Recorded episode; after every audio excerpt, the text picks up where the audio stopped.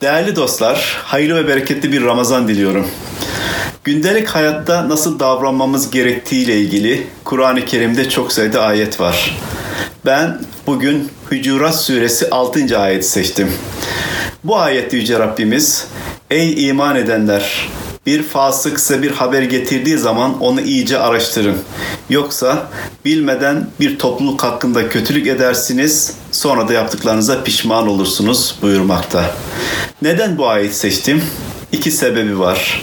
Bir, ahlaki bir prensip barındırıyor. İkinci olarak da burada karar verme ile ilgili çok önemli bir mesaj var. Günümüzde e, bilgi toplama, bilginin yayılması, bilginin dolaşımı çok arttı. Geçmişte de önemli olmakla beraber bilgi ile ilgili, güvenilir bilgi ile ilgili ciddi sorunlarla karşı karşıya kalmaya başladık. Çok sayıda e, eksik anlamanın, yanlış anlamanın, haksızlıkların olduğunu da görüyoruz. Bir bilgi bize ulaştığı zaman bilgiyi getiren kaynağın güvenilir olması son derece önemli. Bu anlamda dikkatli davranmak, gelen bilgiyi iyice e, irdelemek, gelen bilgiyle ilgili araştırma yapmak, incelemek, doğru bilgiye ulaşmak gerekiyor. E, ikinci bir husus burada dikkat etmemiz gereken bir topluluğa karşı ön yargımız varsa o topluluk hakkında gelen bilgi konusunda da son derece dikkatli olmak gerekiyor. Acele etmeden iyice inceleyerek, anlayarak e, bilginin sıhhatini sağlayarak e, karar vermek gerekiyor.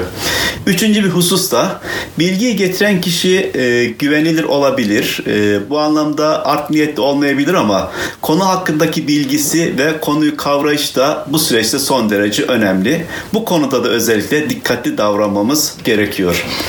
Dolayısıyla bilgi güvenilir olduğu zaman e, vereceğimiz kararlar da daha sağlıklı ve kaliteli oluyor ve e, bunun sonucunda da haksızlıkların e, ortaya çıkmamasına, başkalarına kötülük yapmamaya özen göstermiş oluyoruz.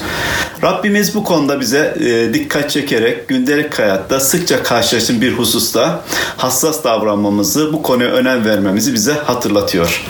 Ben Ramazan münasebetiyle e, bu konuda hassasiyetimiz artmasını, bu konuda dikkatli davranmamızı bir daha hatırlatarak kardeşlerimize hayırlı ve bereketli bir Ramazanlar diliyorum.